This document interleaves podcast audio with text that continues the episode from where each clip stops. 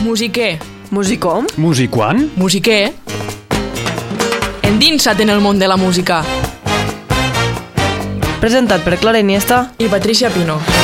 You can dance every Benvinguts i benvingudes un dia més a Musiquer. Avui tenim amb nosaltres a Clara Llop, professora de piano al Conservatori de Música de Tortosa. Avui tenim amb nosaltres a Clara Llop, actualment professora de piano, acompanyament i cambra al Conservatori. Bon dia. Bon dia, Clara. Bon dia. Quan vas realitzar els teus estudis superiors, no hi havia tantes oportunitats com avui en dia. On vas poder fer-ho, tu? Mm, me sembla que les mateixes que avui dia, perquè solament se podia estudiar a Barcelona. El que passa que ara el centre s'anomena SMUC i quan jo estudiava estàvem estudiant que encara continua com a conservatori professional al carrer Bruc, cantonada València. Però existia el Liceu? Existia el Liceu solament, crec, per a cant, violí i piano, crec. Pues a, a això m'ho referim. No... Però era un estudi absolutament privat. Al Liceu? I, al Liceu, i molta gent no podia accedir i la un- l'únic lloc on el poble podíem estudiar era al carrer Bruc. Però el Bruc actualment és de professional i És professional, sí. quan vas estudiar era superior. Bueno, era, era el centre que, que, de Catalunya on anava tothom a estudiar superior. L'únic. L'únic, l'únic. I ja en aquells moments ja es parlava que la plaça Glòries estava treballant en un gran projecte d'una escola superior. Que és l'ESMUC. Sí, sí, però us estic parlant que això fa 35 anys se parlava. O sigui que, que quan vas anar tu només existia el Bruc en tota Catalunya. Exacte. I, Bueno, eh, i Liceu privat i liceu en de- restriccions. En certs estudis. Vale. I actualment ja hi ha flamenc, hi ha moltes coses que s'han anat desenvolupant al llarg dels anys. I com és que et vas decidir per la docència? Perquè m'agrada. Així de clar. Però, eh, però Perquè, no, perquè jo ja, ja havia vist la música a casa per part de la mare i havia vist la docència per part del pare. Llavors, molt jove, molt jove, vull dir que als 13 anys vaig dir a casa jo estudiaré música. Jo ensenyaré música, als 13 anys, als 13. als 13. Ho tenies ben clar, ja. Claríssim. I com és que no tenies pensat interpretació o alguna altra modalitat? No existien modalitats, se traia un títol superior, mentida, sí existien modalitats, però era interpretació, llenguatge, que llavors s'anomenava solfeig, i direcció, crec, i composició. Tota la vessant pedagògica que, exist, que avui dia i altres especialitats no existien. Fem clàssic. Ningú s'ho qüestionava, fes clàssic. Qui volia fer jazz anava al taller de jazz, Al, a l'actual taller de músics? el mateix. Ah, molt bé. Molt bé. Bueno, i com ja hem dit, treballes al conservatori. Quants anys fa que hi treballes? 32. 32, dels quals 3 vaig entrar a Tarragona, al conservatori original, i als 3 anys vaig aconseguir el trasllat aquí a Tortosa, que en aquell moment érem delegació, juntament en Reus, i al cap de molts anys vam aconseguir ser independents. I a la presentació hem dit que també ets professora d'acompanyament i cambra a part de piano.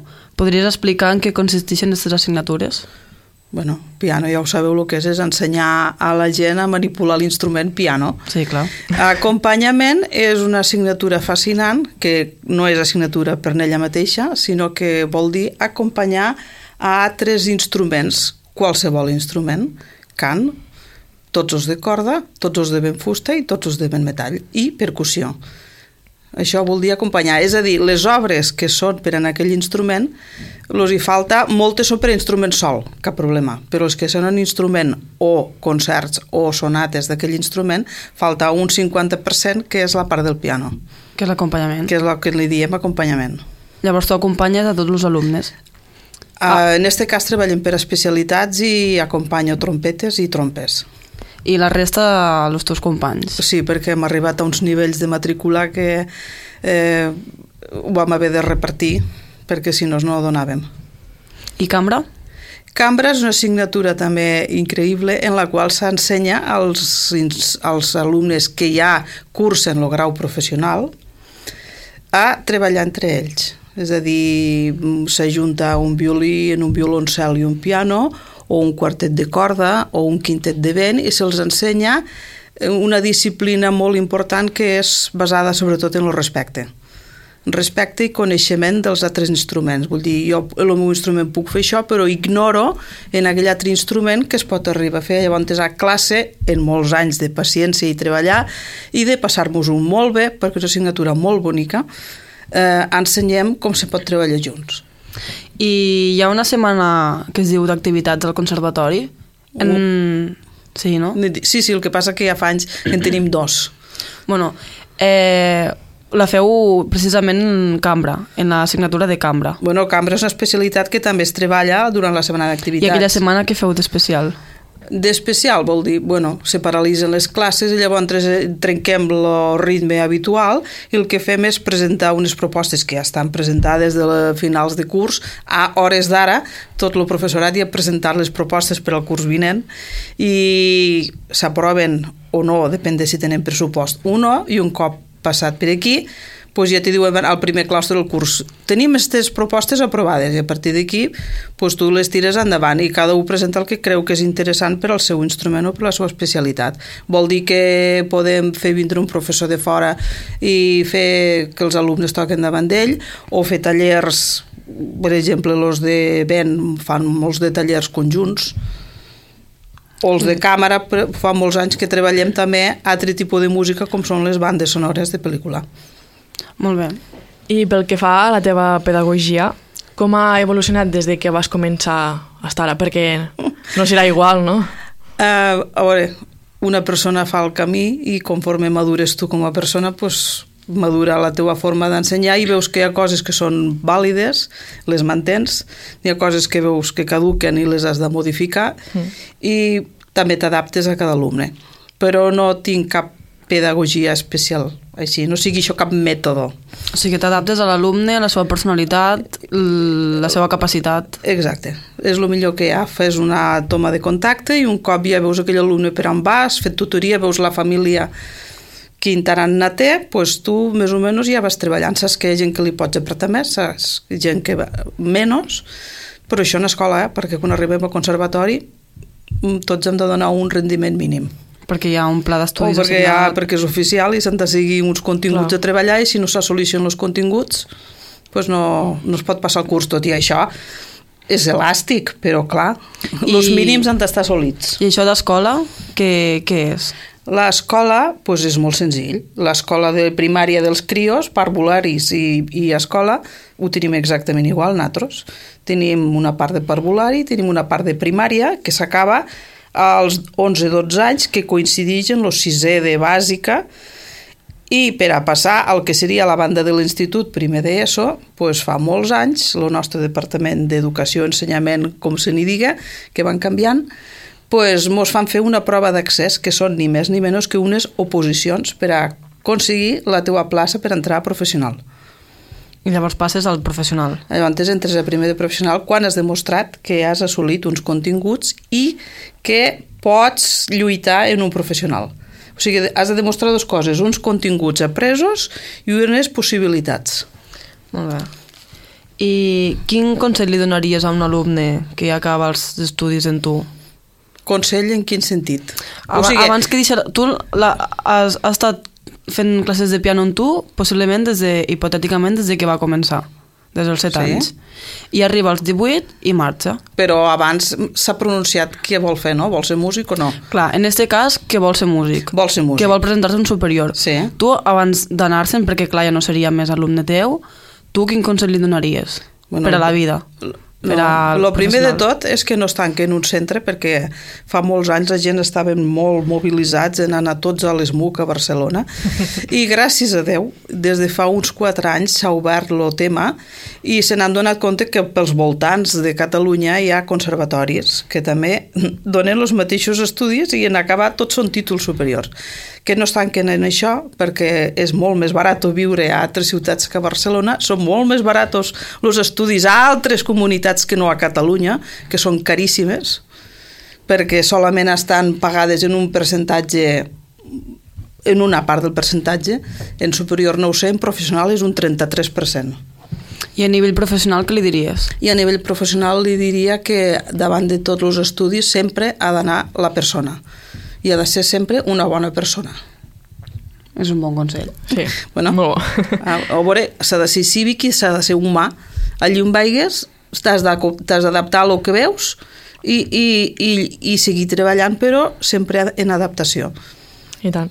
Si ara tinguessis l'oportunitat de tornar a començar parlant de, de la música, haguessis escollit el mateix o optaries per una altra cosa? Optaria per pedagogia que era el que jo volia i em van amargar els catedràtics perquè llavors o tocaves o tocaves. I jo volia estudiar perquè jo volia ensenyar, però com no ho contemplaven, doncs te feien passar pel mateix tubo que tots els d'interpretació. Però has acabat ensenyant igual. He acabat ensenyant igual perquè, com jo, estàvem tots els de la nostra generació. De la nostra generació, no, de 50 anys atrás o de tota una vida, perquè això va vindre en la reforma de la LOCSE. Clar. I no, no t'interessaria una altra especialitat relacionada amb la música, únicament pedagogia? Bueno, pedagogia i cambra. Jo, jo tinc lo, dos estudis fets, diguem-ne, un és interpretació, que llavors se diria títol superior de piano, en este cas me diu, i en tinc un altre que es diu títol superior de cambra perquè ja, ja m'agradava molt, el qual vol dir que sí, tornaria a fer cambra. Molt bé. I, bueno, també va ser directora del conservatori durant uns anys. Set, no? Sis, crec, però no sé. Pot ser set, no ho sé. Eh, tu com valores l'experiència que, que vas tenir i que creus que vas aportar al centre en aquell moment? Bueno, l'experiència és molt enriquidora, molt dura, però tinc que dir que vaig estar voltada d'uns companys excel·lents i vam fer un gran equip, penso que vam fer un gran equip, perquè vam tirar endavant un centre i, i vam donar un caliu. Vull dir, va ser el moment en què va créixer més, tinc que dir, que vam agafar econòmicament un moment bo, i això va fer que, com diuen els castellans, tuvimos les vaques gordes. Ja. Eh, en els meus anys de direcció van ser els anys que s'han tret més places a oposició. Va ser quan va créixer més el centre, perquè hi havia contractes per aquí i per allà. Jo vaig lluitar, anàvem demanant, les direccions, o sigui, els nostres caps de diputació ho van entendre, les lluites van donar profit i va ser quan va créixer més el claustre. Però moltíssimes oposicions vam traure. Pla, oposicions vull dir places, pues que si Sí, sí. trompeta, que si oboe, que si Que saxo... un professor se guanyés que la si plaça. un guitarra, que si un altre llenguatge, el que convinga.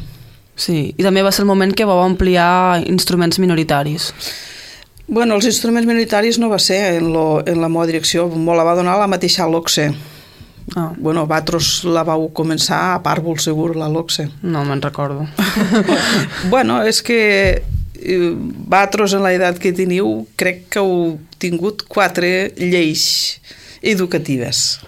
L'OCSE, l'OE, Ni idea. l'ONCE L'OMCE? O... i ara l'última no me'n recordo com s'hi diu. Sí, moltes. Eh? O sigui, vosaltres sou una generació en quatre, en quatre lleis educatives, cosa que va molt bé per tindre una direcció i saber com comences i com acabes. Perquè això, vosaltres sou molt joves, però voleu dir, això heu de saber que vol dir que el professorat i els equips directius cada vegada tenen que fer les adaptacions curriculars per al que marca la nova llei. Sí, sí. Ho enteneu bé, això? Sí, ho Són entenc. moltes hores de fer colzes i de canviar, decret, de canviar programacions per Ja. seguir el que mana el decret. bueno, tornem al que em preguntava. No, bueno, ja... Per curiositat, ha sigut la primera dona en dirigir el conservatori i això va resultar algun inconvenient?